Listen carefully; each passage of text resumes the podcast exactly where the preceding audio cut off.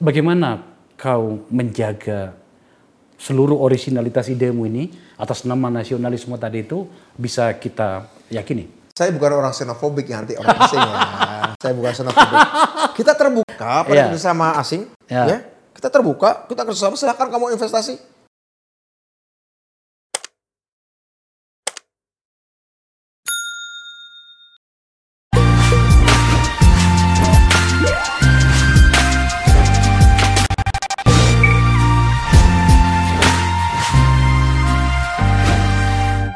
Assalamualaikum warahmatullahi wabarakatuh. Em, banyak permintaan kepada kami di Akbar Faisal Sensor untuk mengundang eh, sahabat saya, kolega saya selama 10 tahun di DPR. Saya memang sebenarnya eh, tidak mau mengganggunya karena rencananya besar sekali. Tapi permintaan itu semakin kencang, maka saya undang sahabat saya Budiman Sujatmiko. Bud, Assalamualaikum. salah. Lama sekali kita nggak ketemu ya?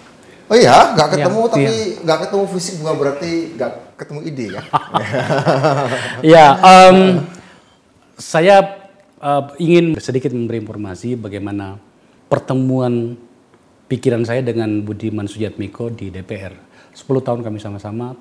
Kami pernah bertandem di Komisi 2. Betul. Dan di Komisi 2 itu eh, Budiman Sujatmiko dan kebetulan juga saya ikut di dalamnya merancang undang-undang desa. Undang-undang desa ini adalah sebuah terobosan besar bagaimana melibatkan desa menjadi sesuatu di dalam pengelolaan Republik kita. Menjadi pelaku, Menjadi pelaku. bukan objek penderita. Itu dia. Dan harus saya akui Budiman Sujatmiko salah satu pemikirnya. Dan ah, saya tidak perlu menjelaskan eh, bagaimana Budiman Sujatmiko di masa yang lalu. Banyak penamaannya. Musuh Orde Baru. Orang manusia berbahaya. Ya, gitu. Tapi eh, hari ini eh, saya harus mengundang Anda seperti yang dimintakan oleh banyak penonton Akbar Faisal dan Sensor. Dan saya harus mengundang Anda. Kenapa? Saya mungkin mau sedikit memuji Anda, tapi saya jujur bahwa yang sedang Anda lakukan dengan merancang yang disebut dengan bukit algoritma di dalam pemahaman saya yang tidak terlalu paham tentang teknologi, tetapi sedikit memahami tentang bagaimana masa depan itu bisa diraih dan dicapai. Anda sebenarnya sedang membawa kita 4-5 langkah ke depan meraih sebuah masa depan bangsa. Itu luar biasa itu. Maka kemudian mau tidak mau saya harus memberikan dukungan. Kita ingin mendengar semuanya. Apa itu bukit algoritma? Kita sudah sering mendengarnya. Anda sudah banyak berbicara di tempat lain. Oke. Ya kan? Baik. Eh, dan ini bukan yang pertama, di banyak negara sudah ada. Sejumlah negara. Ya, sejumlah negara. Paling mudah Amerika. Ya. Tapi jangan membandingkan dengan itu. Malaysia sudah punya, Sudah. India sudah punya, Sudah. dan hari ini cikal bakalnya Anda yang rancang. Ya, begitulah kira-kira. Meskipun bukan yang pertama juga di Indonesia. Ya, ya saya tahu. Saya dulu waktu masih wartawan pernah wawancara dengan seorang yang sudah merancangnya di Bali. Pada sekali Indonesia di Bali pada saat itu tahun 99. Oke. Dan eh, setelah Saya masih di penjara kali itu. Ya, dan sekarang Anda em, dari catatan yang saya miliki tentang re- rencana Anda itu luar biasa. Apa pun namanya, Bud, sebelum kita ngobrol, terima kasih. Tidaknya Anda memberikan eh, saya dan kita semuanya eh, sebuah keyakinan bahwa fase-fase yang harusnya kita lalui sejak lama tentang bagaimana sebuah bangsa yang melek politik dan kemudian didukung oleh teknologi yang cukup itu akhirnya Anda rancang. Soal hari ini sampai pada batasan mana, sampai pada bentuk mana, itu adalah proses. Ya. Tetapi saya yakin anak-anak kita semuanya, Anak-anak. Indonesia Betul. akan menikmati nantinya. Bud, jelaskan sama kita. Apa bukit algoritma?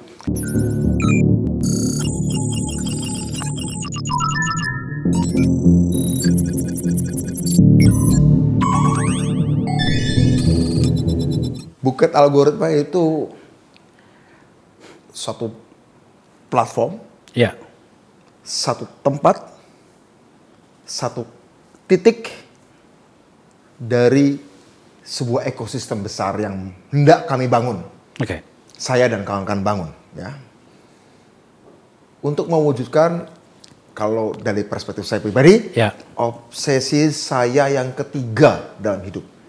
Sesi pertama apa? Sesi kedua apa? Obsesi pertama saya adalah kebebasan manusia. Oke. Itulah kenapa saya dulu ikut berjuang untuk oh, demokratisasi.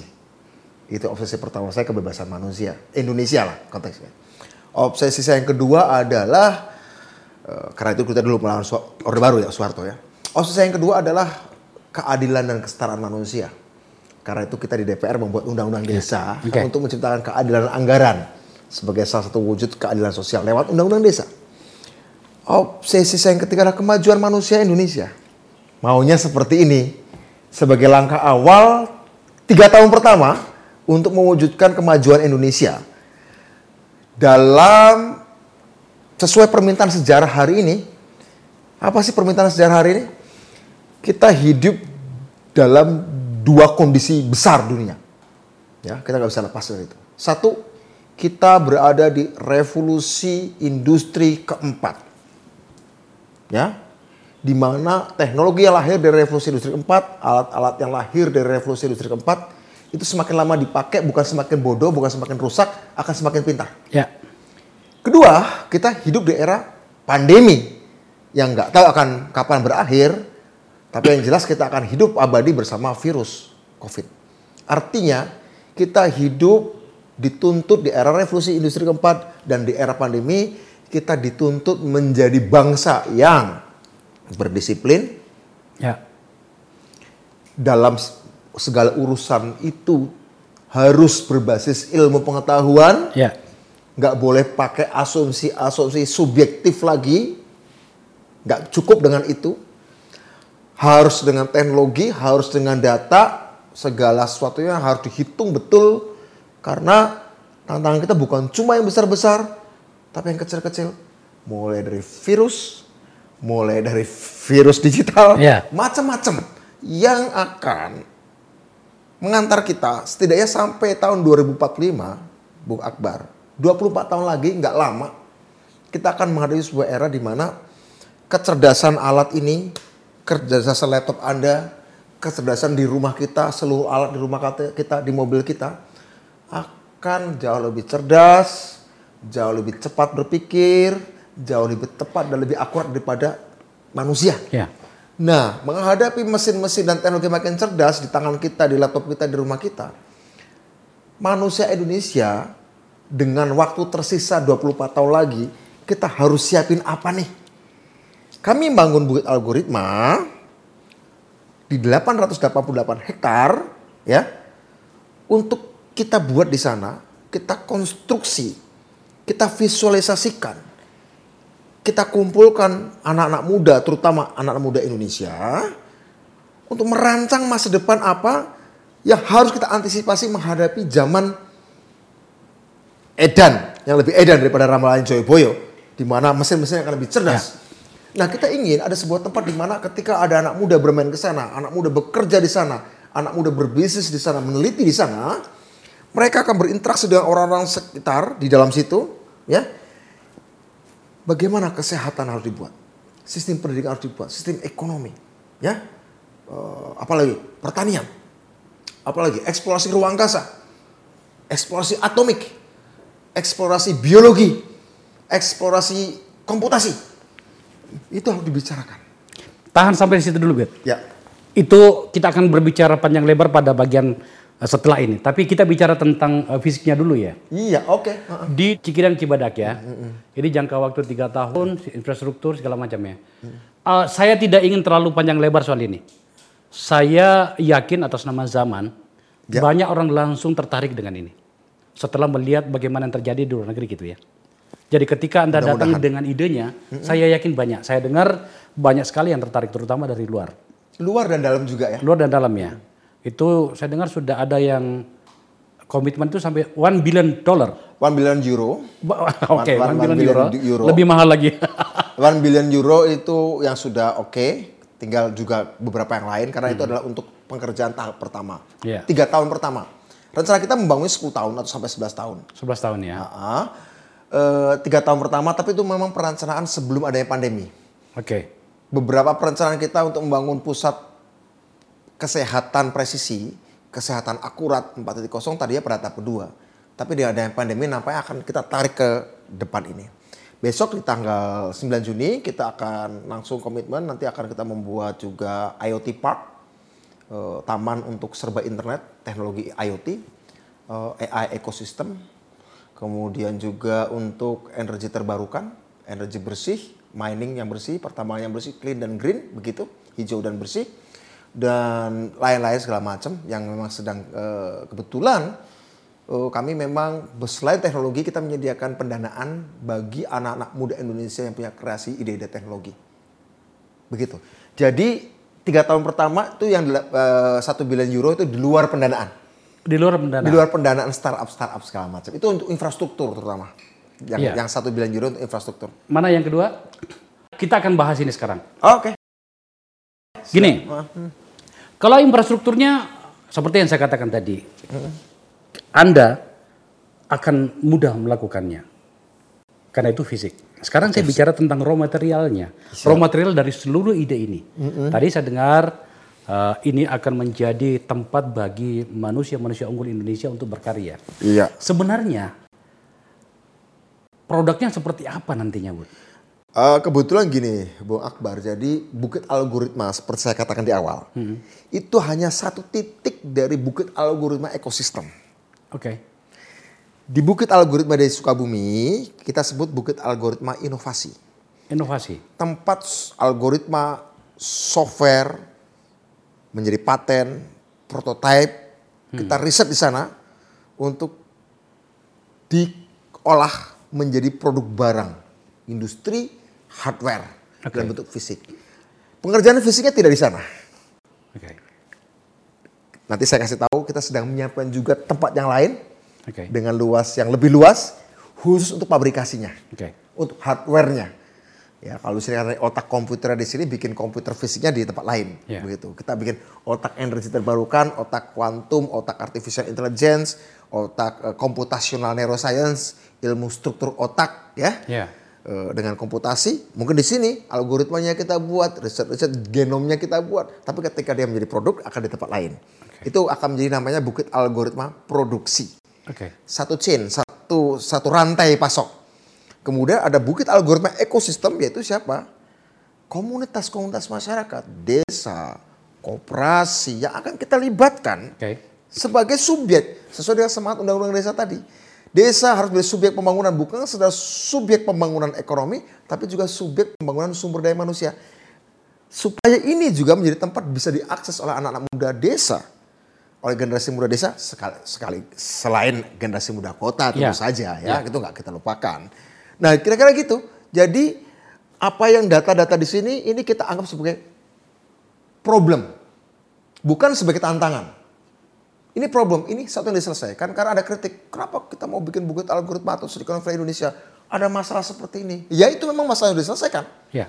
Bukan obstacle, bukan rintangan. Ya, catatan yang Ya. dibikin oleh tim kita adalah tantangan nanti Anda membangun algoritma itu. Problem ini bukan tantangan. Ya. Itu adalah belum ada ekosistem digital. Ya. Kapasitas riset Indonesia rendah, Minim talenta talenta digital, ketimpangan digital. Itu tantangannya. Mm. Ya. Meskipun menurut saya sebenarnya oh seharusnya kita tidak membenamkan diri pada kekhawatiran yang berlebihan menyangkut itu. Enggak. Gitu ya. Karena em, ya hari ini tidak ada lagi orang yang bisa bersembunyi dari teknologi dan Nggak mereka bisa. mendapatkan secepatnya. Betul? Ya, Betul. Tetapi tentu saja kan kita harus membangunnya dan menarasikannya dengan baik. Betul. Saya sedang mencoba memberikan permakluman dan dukungan kepadamu buat menyangkut itu. Oke. Dalam hal ekosistem digital misalnya, belum ada ekosistemnya atau barangkali masih kurang ekosistemnya. Apa yang Anda lakukan dengan itu nantinya? Kami eh, sebenarnya ekosistem digital sudah ada, tapi scattered, Oke. terpencar-pencar. Oke. Nah kita ingin menyediakan sebuah tempat secara fisik, ya, dan juga menyediakan pembiayaan-pembiayaan secara finansial, support, financial support untuk membentuk ekosistem yang baru, bukan menggantikan yang lama, tapi sebagai sebuah tawaran ekosistem yang lebih masif, ya, lebih terbuka bagi semua orang dan lebih membuka banyak kemungkinan. Karena begini, yang sering orang salah artikan seolah bukit algoritma adalah tentang digital. Tidak, Oke. tidak. Digital hanya satu dari tiga rekayasa yang akan kita buat di sana untuk berorientasi bisnis. Rekayasa digital, digital salah satunya. Kedua, rekayasa biologi, sehingga riset-riset bioteknologi riset-riset eh, ilmu saraf otak atau neuroscience, struktur otak. Dan ketiga adalah rekayasa atomik, yaitu misalnya nanoteknologi. Rekayasa-rekayasa material-material untuk menemukan material baru segala macam. Nantinya untuk bangun industri lima yang akan menjadi pusat di sana. Ya, satu industri teknologi biologi menyangkut kesehatan, menyangkut pertanian, perikanan, perkebunan, kemudian teknologi nano itu menyangkut rekayasa seluruh jenis eh, material-material yang dibutuhkan untuk rumah, untuk infrastruktur. Ketiga adalah eh, teknologi eh, kecerdasan buatan dan kuantum, itu rekayasa digital di situ. Di situ rekayasa digitalnya. Teknologi kecerdasan buatan dan kuantum, ya. Kemudian keempat teknologi penyimpanan energi. Nanti bicara tentang baterai, bicara tentang energi terbarukan, Iya. segala macam, solar cell, energi sampah, energi arus laut, ya. Kemudian energi angin. Kelima adalah semikonduktor, yaitu itu dia ada berkaitan dengan nano juga bagaimana membuat chip yang dibutuhkan ketika kita membuat handphone, laptop dan sebagainya. Pada bagian ini saya jadi harus bertanya Bud kepadamu bahwa Ya. atas nama dunia yang sudah borderless, Yap, yang sudah terhubung dengan total ya, ya. eh, masih perlukah kita ikut membentuk sebuah komunitas, saya menyebutnya komunitas Ya. untuk Bukit Algoritma. Sementara itu berada di sekitar kita. Meskipun ya memang diproduksi oleh orang lain, dari bangsa lain gitu. Em, Masih perlukah seperti itu? Masih perlu ya karena begini. Kita ini hidup di sebuah negara dengan keanekaragaman sosiokultural kedua terkaya di dunia. Jumlah suku, jumlah bahasa. Nomor satu ya Papua New Guinea. Kita hidup di sebuah negara dengan keanekaragaman hayati. Flora dan fauna nomor tiga terkaya di dunia. Untuk flora dan fauna darat. Setelah Kongo dan Brazil. Tapi kalau gabung dengan lautan kita terkaya nomor satu di dunia. Keanekaragaman flora fauna kita. Apa itu artinya?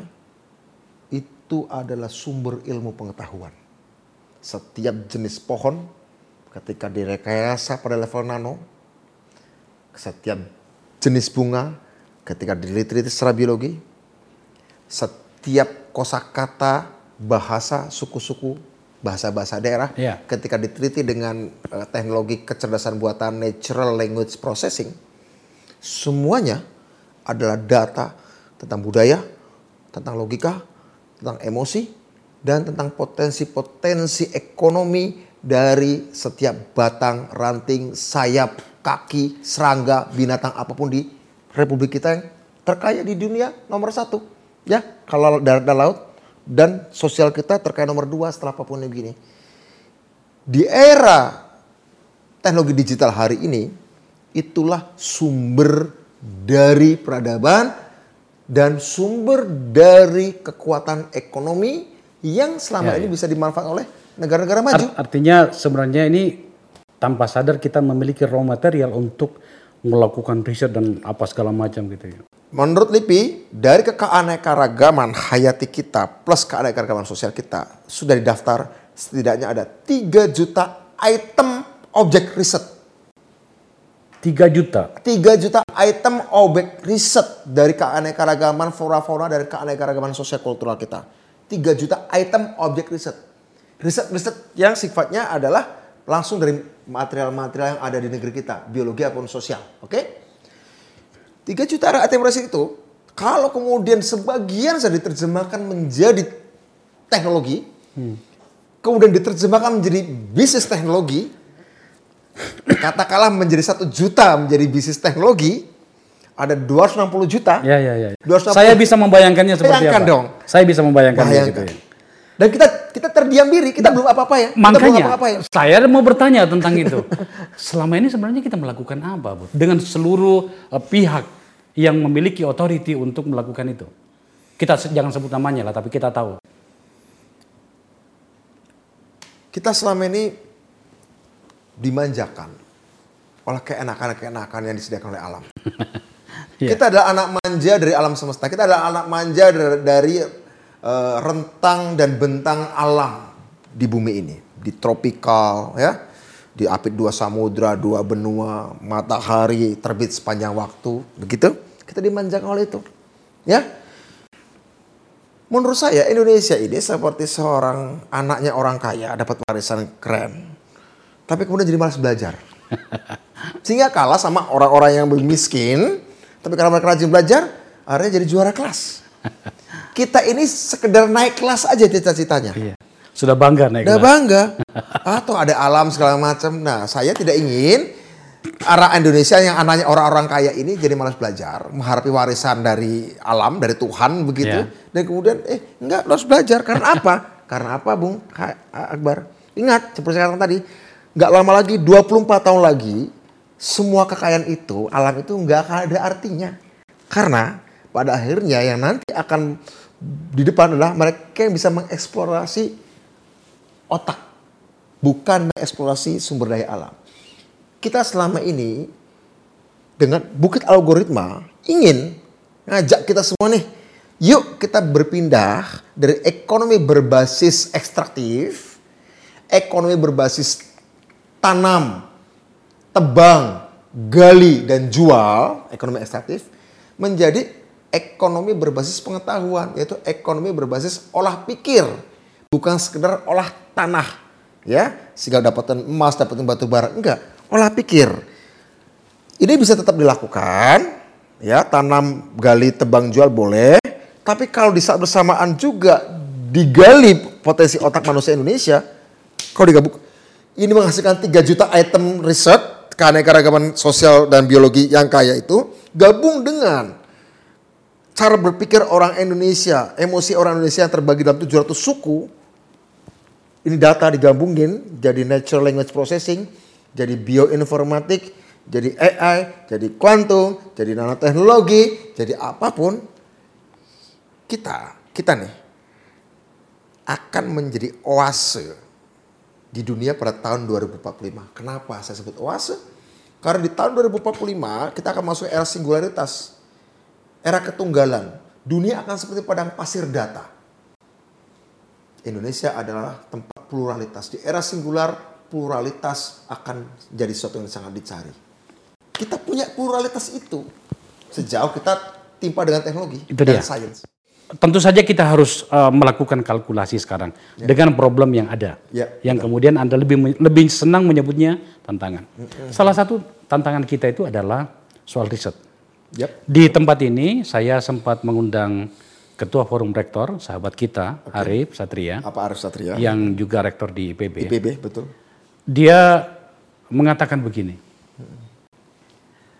Industri kita hari ini di Indonesia memandang sebelah mata riset kita. Betul. Bahkan pada beberapa bagian mereka mencoba seakan-akan peduli, tapi sebenarnya mereka ambil riset itu hanya untuk dimatikan karena itu bisa mengganggu produksi mereka. Bukan produksi, mengganggu eh, trading mereka. Iya, menjadi bagian dari satu kesatuan bisnis mereka. Maka kemudian eh, Pak Arif mengatakan hanya tiga persen barangkali riset perguruan tinggi. Kita bicara perguruan tinggi ya, Betul, sebagai basis riset itu Betul, betul. yang dimanfaatkan. Betul. Ada beberapa pemihakan dari pemerintah, misalnya memberikan insentif bagi perusahaan yang menggunakan riset eh, perguruan tinggi. Pada sisi yang lain, kampus kita sendiri sebagai komunitas yang sangat kita harapkan untuk mengembangkan riset, dilala tidak seperti yang kita harapkan. So, pertanyaannya begini, bagaimana kamu nantinya dan bersama dengan teman-teman di inovator untuk eh, melewati tantangan itu dengan situasi itu? Di inovasi teknologi itu ada beberapa tahap. Ya. Ada namanya the Valley of Death. Ada namanya the Sea of Darwinism. Lembah kematian dan lautan Darwinism. Sebuah produk itu akan diuji di situ sehingga kemudian kalau bisa lolos bisa jadi produk. Apa yang kamu katakan atau Profesor Arif Satria katakan benar. Indonesia itu banyak orang yang menghasilkan riset, terutama kampus Oke. Perusahaan kita kurang. Numpuk tuh hasil riset. Artinya sebenarnya di Indonesia tidak ada problem kekurangan orang pintar dan periset. Tidak ada. Tidak ada. Bahkan oversupply. Tapi periset dan orang pintar tadi itu ya itu hanya satu kaki dari dua kaki sebuah ekosistem inovasi. Ibaratnya ekosistem inovasi itulah manusia. Periset dan orang pinter itu adalah satu kaki, namanya kaki TRL. Teknologi Readiness Level, tingkat kesiapan teknologi. Kita siap nggak memasuk teknologi? Oke, satu. Tapi agar inovasi ekosistem ini bisa berjalan, dia butuh kaki yang lain. Yang namanya DRL, Demand Readiness Level. Tingkat kesiapan permintaan. Oke. Okay. Siap nggak pasarnya konsumen menyerap ini? Kalau tidak ada koordinasi antara TRL, teknologi yang dipasok, dan tidak ada kebutuhan, maka tidak akan pernah terjadi berjalan untuk ekosistem itu. Karena ternyata pasarnya menyerap dari TRL produk negara lain. Ketika TRL produk dalam negeri tidak dipakai, dia pakai TRL dan negara lain, DRL-nya pakai TRL negara lain lewat impor, ya ini percuma, ya akan menjadi menumpuk. Karena itu harus ada sinkronisasi antara TRL, kesiapan teknologi, dengan kesiapan permintaan. Oke, di dunia ada dua model. Dan dua model itu bersaing dan terbukti representatif inovasi ekosistem, ekosistem inovasi berjalan karena TRL dan DRL nyambung. Satu Amerika, kedua Cina. Baik negara lain, tapi kita ambillah dua contoh negara itu. Karena mereka sedang bersaing dagang dan bersaing teknologi hari ini. Di Amerika, DRL-nya atau permintaannya dikelola dengan sistem pasar. Suplai teknologinya, pasokan teknologinya dikelola dengan sistem pasar. Itu di Silicon Valley di Amerika, di California. Pasokan teknologi pasar, permintaan teknologi juga pasar. Pakai mekanisme. Ada kualitas, ada permintaan, berjalan. Di Cina, TRL dan DRL ya disiapin negara. Negara membiayai riset gede-gedean, pasarnya pun disiapin. Jack Ma bikin Alibaba, siapin pasarnya. Lu lewat Alibaba lah. Kira-kira begitu. Dagang di situ. 1,5 miliar orang Cina, katakanlah sebagian berdagang lewat Alibaba. Karena disiapin oleh negara pun pembiayaan didukung oleh negara, ditepung oleh negara, okay. ya kan? Sehingga ketika Jack Ma memprotes pemerintah ya dia mati-mati, yeah. ya karena memang negara pasokan teknologi negara, permintaan negara.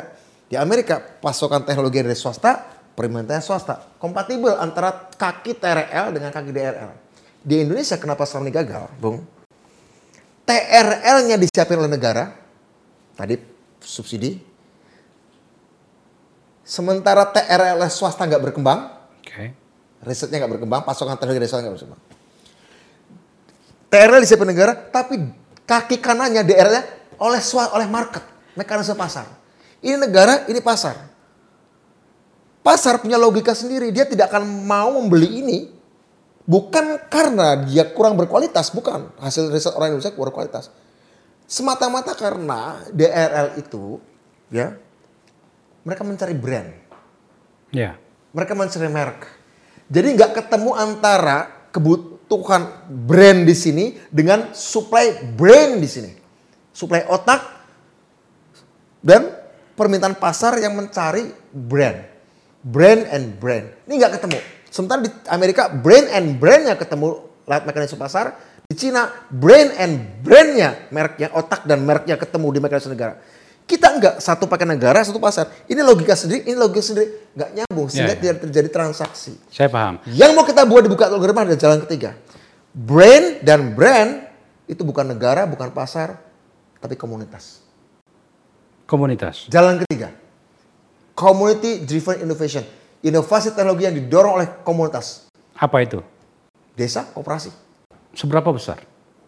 Ada 74.961 desa yang punya daya beli hari ini, yang punya daya investasi hari ini, tapi masih kebanyakan untuk infrastruktur fisik. Kalau misalnya dibuat dalam hitung-hitungan uh, angka-angka, itu ekuivalen de, seberapa besar kalau kita hitung-hitungan angka dari kacamata bisnis? Moderat lah. Asumsinya negara, eh, as asumsinya 74.961 desa, okay. itu tidak bikin bumdes asumsinya. Artinya tidak tidak membuat mesin ekonomi sendiri. Ya mereka dapat 72 triliun tiap tahun. Ya. 72 triliun tiap tahun. Seandainya 10 persen, 7,2 triliun, mereka belanja teknologi produk orang Indonesia. Karena orang desa tidak peduli dengan brand. Mereka hanya peduli pada kegunaan. Beda dengan orang kota konsumsinya ya. 10% saja, 7,2 triliun tiap tahun seandainya desa tidak membuat BUMDes ya. Ada 7,2 triliun pasar teknologi untuk mengatasi problem pertanian, perikanan, perkebunan, kesehatan, Ya, ya, ya. pendidikan, etc. Saya paham tentu saja, Bud. Ya, Tapi kemudian bagaimana kau begitu yakin bahwa kemudian eh, pasar itu tadi tanda petik ya, ya apa namanya? tahap itu? awal sebagai pasar ya. Ya. Tapi mereka suatu saat desa harus jadi subjek. Iya, tetapi kan juga pihak lain atau para pengembang lain yang notabene mungkin di luar negeri itu sudah melakukannya. Bagaimana percepatan yang kau rencanakan untuk itu? Pertama sebenarnya apa yang di- kami lakukan itu sebenarnya itu yang sudah dilakukan di Jerman abad 19. Dilakukan di Jepang tahun 1930-an. Dilakukan di Korea Selatan tahun 70-an dengan namanya gerakan Saimangol Undong, gerakan modernisasi desa. Dilakukan di Cina juga sebenarnya sejak tahun 50-an tapi kemudian dilangsung oleh Deng Xiaoping, Jiang Zemin, Hu Jintao, Xi- eh, Xi Jinping. Sebenarnya ini adalah jalan yang sudah pernah dilalui. Tapi saya nggak tahu kenapa ini absen dari perbincangan kita tentang kebijakan publik, tentang strategi pembangunan. Nah, karena itu pertanyaannya, kita nggak belajar yang aneh-aneh. Kita belajar dari sukses story negara lain. Kita punya desa. Kita kan bukan Estonia. Kita bukan Singapura. Kita bukan Liechtenstein. Kita bukan Andorra, negara yang seuprit. Ya, negara- eh, bukan. ya. Kita ada 70 ribu desa. Ya, kita negara luas. Ini masalah orang Indonesia, sebagian dari kita ya. Masalah gini. Orang di seberang lautan Pasifik, orang di seberang lautan Cina, orang di seberang lautan Mediterania, lihat 270 juta orang ini pasar potensial. Permasalahannya, kenapa orang desa atau orang kota tidak bisa melihat desa tetangga atau kota tetangga sebagai pasar potensial produk kotaku? Kenapa seorang desa tidak melihat pasar desa tetangga, kecamatan tetangga sebagai potensial pasarku? Wah orang seberang lautan ngeliat gitu. Iya, iya. Berarti ada rabun dekat. Ada rabun dekat yang mau ditutup, yang ditutupi entah gimana caranya kok bisa ditutupi. Kita ingin mengatakan di sini dengan bangun ekosistem, eh yang menyelamatkan kamu adalah tetangga desamu. Orang Indonesia yang menyelamatkanmu adalah potensi pasar negaramu sendiri. Bagaimana Cina kenapa bisa buat jual produk murah, Bung Akbar? Dia produk itu diserap oleh pasar Cina satu miliar. Ya, BEP terakhir jual murah ke luar negeri. Kenapa kita nggak lakukan hal yang sama? ya itu pikiran uh, menurut saya memang uh, layak kita perdebatkan ya. Tetapi tidakkah uh, teman-teman di inovator atau uh, dirimu sendiri, Bud, untuk uh, mulai memikirkan risiko? Oke, Iya, salah satunya adalah ya teknologi memang tidak mengenal bangsa. betul. Teknologi tidak mengenal batasan-batasan geografis. betul. Ya kan? Dia hanya mengenal satu agama bernama pasar. Tetapi tidakkah hari ini kita lihat bahwa sebenarnya dia tidak berdiri sendiri, tidak terlalu benar juga apa yang saya katakan tadi. China misalnya, dia mengembangkan teknologi, tapi kan ada kepentingan di situ, kepentingan nasionalnya di situ. Amerika demikian, Eropa demikian. Pasti. Yang saya maksud adalah bagaimana dirimu sebagai komandan dari proyek luar biasa ini itu menjaga agar kemudian tidak terlibas. Tadi you bicara tentang Jack Ma, Jack Ma terlibas Ya. pada segmen dan Karena pada problem dia, yang lain. dia bukan negara tapi hidupnya dari negara. Nah, iya. Nah, dalam Dan dia mencoba melawan negara kan waktu itu kan.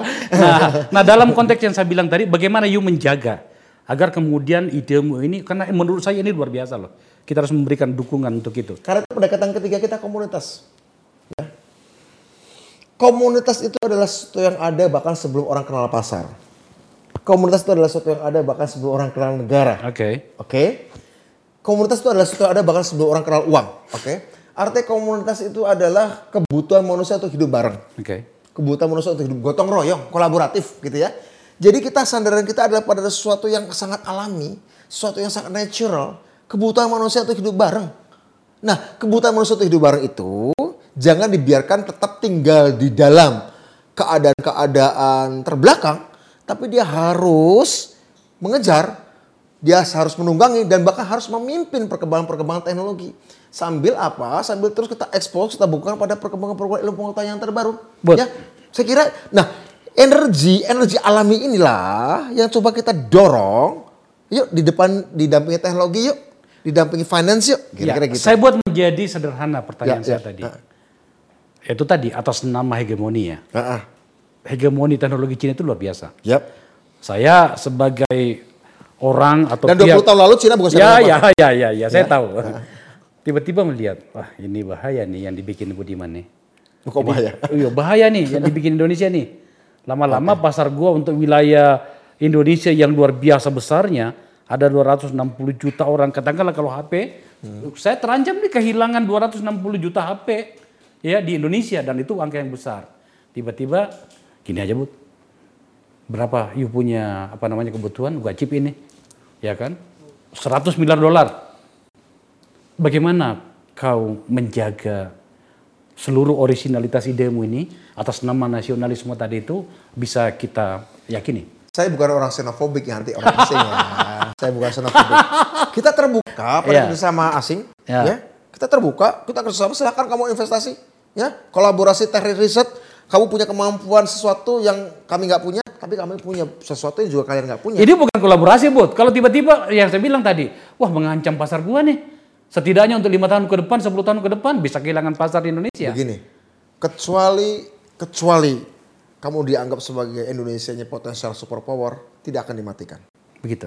Kecuali. Yakin. Kalau soal bisnis, kalau soal bisnis, semuanya negotiable.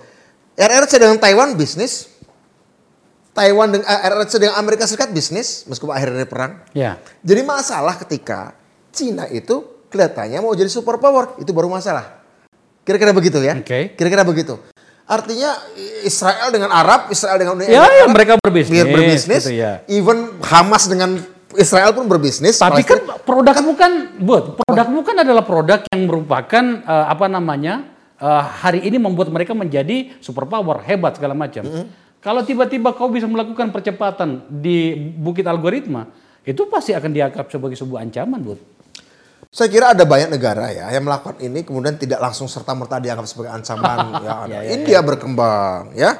India berkembang, Eropa berkembang, kemudian Amerika kita tahu awal berkembang, Jepang udah lama berkembang, Korea Selatan berkembang, tidak pernah diancam sebagai sebuah ancaman superpower. Dan Indonesia, menurut saya juga tidak dalam posisi Indonesia tidak punya proyek hegemonik eh, hard power ya, kekuatan senjata, kekuatan. Kita nggak kita nggak konstitusi kita melarang itu. Konstitusi kita ingin menciptakan ketertiban dunia berdasarkan kemerdekaan, peradaban abadi dan keadilan sosial.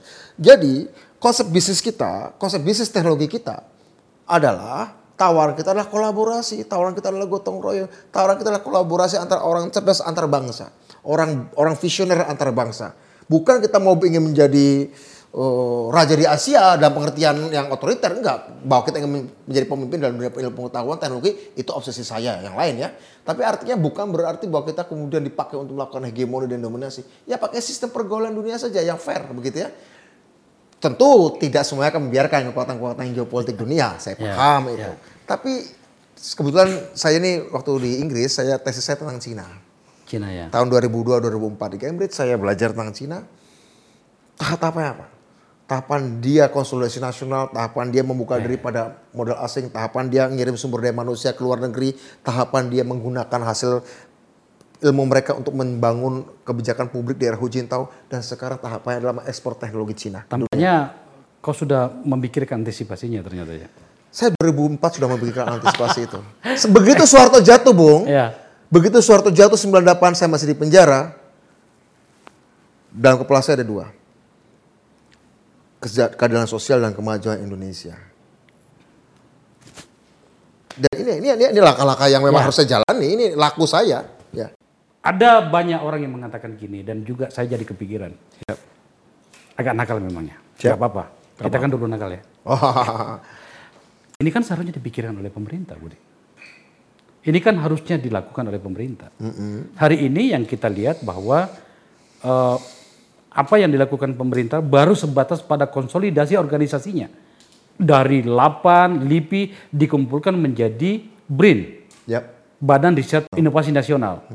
Saya di, diajak juga untuk Iya. meneruskan itu awalnya. Padahal sebenarnya yang kita bayangkan itu sudah sampai pada tahapan ini. Atau barangkali Anda sedang memikirkan nantinya atau Anda sudah memikirkan bahwa nantinya akan apa namanya di, dikawinkan kekuatannya. LIPI misalnya dengan kemajuan atau pencapaian riset eh, mereka selama ini 8 kemudian itu dikawinkan pada sebuah eh, komunitas bernama eh, Bukit Algoritma? Pertama Bukit Algoritma adalah swasta, Oke. Brain adalah negara. Tapi kebetulan saya juga di awal-awal bentuk Brain saya diminta masukan juga formatnya seperti apa. Jadi Ya. sebenarnya apa yang kita buat di Bukit Algoritma juga pernah saya sampaikan untuk membentuk Brain, ya hampir sama. Coba kalau sekarang saya punya kesempatan berbicara dengan kepala Brain, Profesor Andoko, saya ngomong ngomong kayak gini pada beliau, Pak, karena Brain ini negara, tolong arahkan research Brain itu ke langit. Aku ke bumi. Aku ke bumi dan manusianya. Bapak gimana menjadikan BRIN itu eksplorasi ruang angkasa? Di atas atmosfer. Bulankah stasiun ruang angkasa atau Mars seperti India, Cina, Amerika dan Uni Emirat Arab sudah lakukan? Mengirim wahananya ke orbit Mars dan bahkan Cina dan Amerika sudah sampai ke Mars robotnya ya. Kenapa BRIN tidak diarahkan menatap langit? Kami yang menjaga bumi. Sudah disampaikan ke Pak Handoko. Saya belum sampaikan, tapi Ibu Mega sudah ngomong. Sebagai kepala penasihat BRIN, ingin kerjasama dengan Rusia untuk space exploration. Sebenarnya Presiden tahu nggak sih rencanamu, Bud? Apa? Saya sudah sampaikan tahun 2019. 2000, 19. tanggapannya? Sangat mendukung. Oh, bagus. Saya sampaikan di Ponorogo pada waktu itu, beliau lagi kampanye di Ponorogo, saya lagi kampanye itu dapil saya juga. Ya. Tapi kan saya kan nggak banyak konsentrasi ke pileg ya. Saya bawa konsepnya, saya ketemu beliau di sebuah rumah makan di Ponorogo, lagi keliling. Pak, saya punya konsep ini udah jadi. Visibility studies ya. Apa ini? Ini. Kemudian saya titipkan dokumennya ke Mas Pram. Waktu Mas Pram Anung. Mas, Pram titip untuk Bapak. Oh bagus. Kemudian 2021 saya ketemu beliau lagi di istana. Saya sampaikan Pak perkembangannya seperti ini. Dia bilang, oke carikan investornya. Harus ada investor masuk. Sudah dan sedang dan masih akan. Alhamdulillah ketika bulan April kemarin kita launching eh, itu langsung banyak yang datang. Memang artinya Bung Akbar yang menarik ya ketika kita muncul barulah di Indonesia orang-orang Indonesia baru mulai muncul. Ba- ternyata ada mimpi diam-diam di banyak orang Indonesia. Kita harus punya suatu tempat kebanggaan bagi kemajuan sains teknologi. Dan mereka datang akhirnya, Mas kami punya gagasan ini. Kami bisa investasi ini, kami punya penemuan ini. Bahkan ada yang kami punya tanah ini. Mas dikembangkan sebagai, seperti bukit algoritma juga. Artinya dia ada diam-diam dalam mimpi banyak orang Indonesia. Dan saya senang bahwa ini mudah-mudahan akan berjalan terus. Bagus sekali, Bud. Saya tidak punya pilihan kata kecuali harus mendukungmu, Bud. Ya, Iya. ya. Bagaimana kamu gak mendukung saya? Kamu teman saya. Nah, tetapi kan tidak asik kalau Iya, bicara sama Budiman Sujatmiko tidak bicara politik, bro. Oke, oke, Iya kan? oke gitu ya. Dan eh, ada beberapa kawan kita ya bertanya-tanya, apa yang terjadi dengan Budiman? Apakah dia eh, sudah resmi menanggalkan manusia politik yang menempel pada dirinya dan masuk pada ruang-ruang riset, ruang-ruang intelektual yang memang juga menempel pada dirimu atau bahkan barangkali sudah menjadi manusia bisnis tanda petik ya. Apa yang terjadi dengan dirimu, Bud? Saya murid Bung Karno. Iya, iya. Saya murid Soekarno. Di dalam diri Bung Karno, dia manusia politik yang komplit. Dia juga seorang teknologis, dia seorang futuris, dia seorang community organizer. Ya, saya belajar dari dia bahwa menjadi seorang manusia politik ya dia harus berbicara dan melakukan apa pun yang menjadi sesuai dengan permintaan zaman.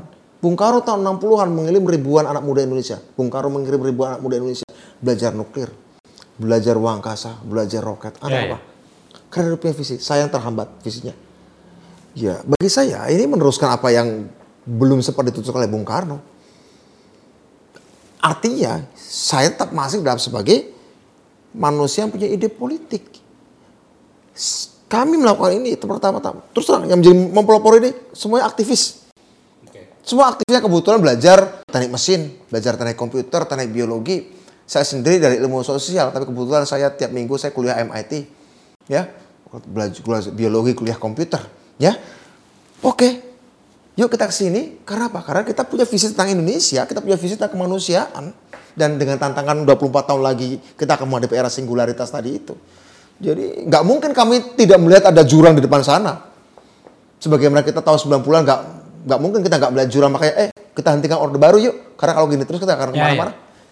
Begitu juga hari ini saya melihat kami melihat ada suatu jurang ya kalau kita nggak berlatih dari hari ini kita nggak mm, melompatinya terbang, kita akan terperosok ke jurang itu. Ya, ya. Sesimpel itu. Saya sudah katakan dari awal tadi, yang Anda lakukan ini membuat kita melompat 4-5 langkah ke depan. Sejak dari awal saya katakan tadi. Dan Oke. luar Terima biasa kasih. betul apresiasi saya. Tapi kan itu tadi, orang mengenalmu sebagai manusia politik.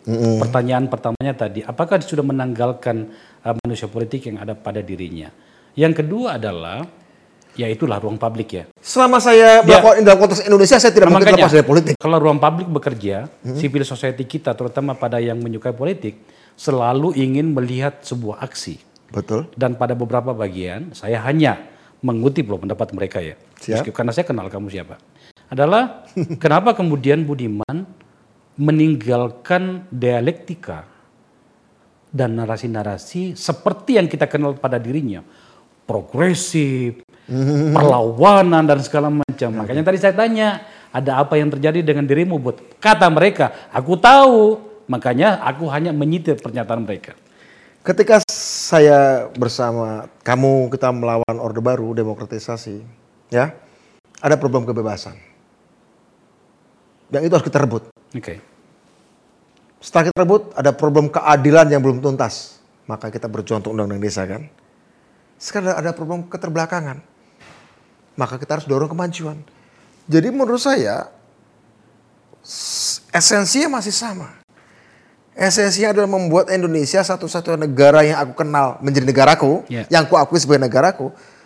Karena dia satu-satunya dalam hidup yang satu kali ini harus kita buat keren. Ya. Apa itu yang keren? Rakyat, rakyat makmur, rakyat bebas, rakyat cerdas, itu aja. Jadi bagaimana kita bisa memisahkan antara yang saya lakukan sekarang ini dan masa lalu? Saya tidak akan berani punya ide seperti ini kalau saya masih hidup di zaman Orde Baru. Saya tidak akan berani punya ide seperti ini kalau saya belum menggolkan undang-undang desa dan ada keadilan anggaran untuk desa. Saya nggak akan berani. Kalau saya melakukan ini tanpa ada keadilan anggaran untuk desa, saya saya hanya akan menciptakan oligarki bisnis teknologi tanpa undang-undang desa, tanpa agenda kesetaraan yang kita tuntaskan walaupun belum tuntas, yang kita jawab sebelumnya, agenda ini hanya akan menciptakan oligarki oligarki bisnis teknologi. Tapi karena sudah ada agenda-agenda keadilan kesetaraan, saya berani maju ke arah sini. Ya, jadi ini nggak terpisah dari agenda-agenda sebelumnya. Satu tarikan napas, satu tarikan napas. Kebebasan tanpa kesetaraan akan melahirkan hukum serigala manusia menjadi serigala atas yang lainnya. Kesetaraan tanpa Ya. kemajuan akan menghasilkan masyarakat-masyarakat terisolir. Masyarakat-masyarakat yang setara tapi dalam keterbelakangan. Kemajuan tanpa kesetaraan akan melahirkan oligarki teknologi. Nah, jadi satu kesatuan nggak bisa. Dilatarnya harus ke belakang. Tahun 92 saya pertama kali mendengar tentang ide Silicon Valley dari Profesor Samaun Samadikun di majalah Tempo jika tidak keliru atau Kompas saya lupa. Beliau baru pulang dari Stanford. Saya ingin buat Silicon Valley di Indonesia seperti di Amerika. 92 saya baca itu. Dalam kepala saya, saya harus ikut program ini. Tapi karena 92 masih dikuasai Orde Baru, oke baik, saya tunda dulu. Ya. Kita lawan Orde Baru dulu. Ya. Setelah Orde Baru selesai, baru saya pikirkan ini. Top. Kira-kira begitu. Buat pidato yang bagus, Bud. Kau selalu membuatku kagum. Meskipun saya adalah temanmu, tapi saya mengagumi ide-idemu. Pemirsa, Anda mendengarkan tadi, Budiman Sujatmiko, orang yang uh, kita apa kenal dengan seluruh perlawanan pada dirinya, dengan seluruh uh, ori- originalitas idenya tentang rakyatnya. Hari ini maju selangkah, bukan maju selangkah, maju empat langkah malah. Dan uh, saya ingin mengatakan pada kita semuanya, ini adalah ide yang bagus. Kita harusnya masuk dalam barisan.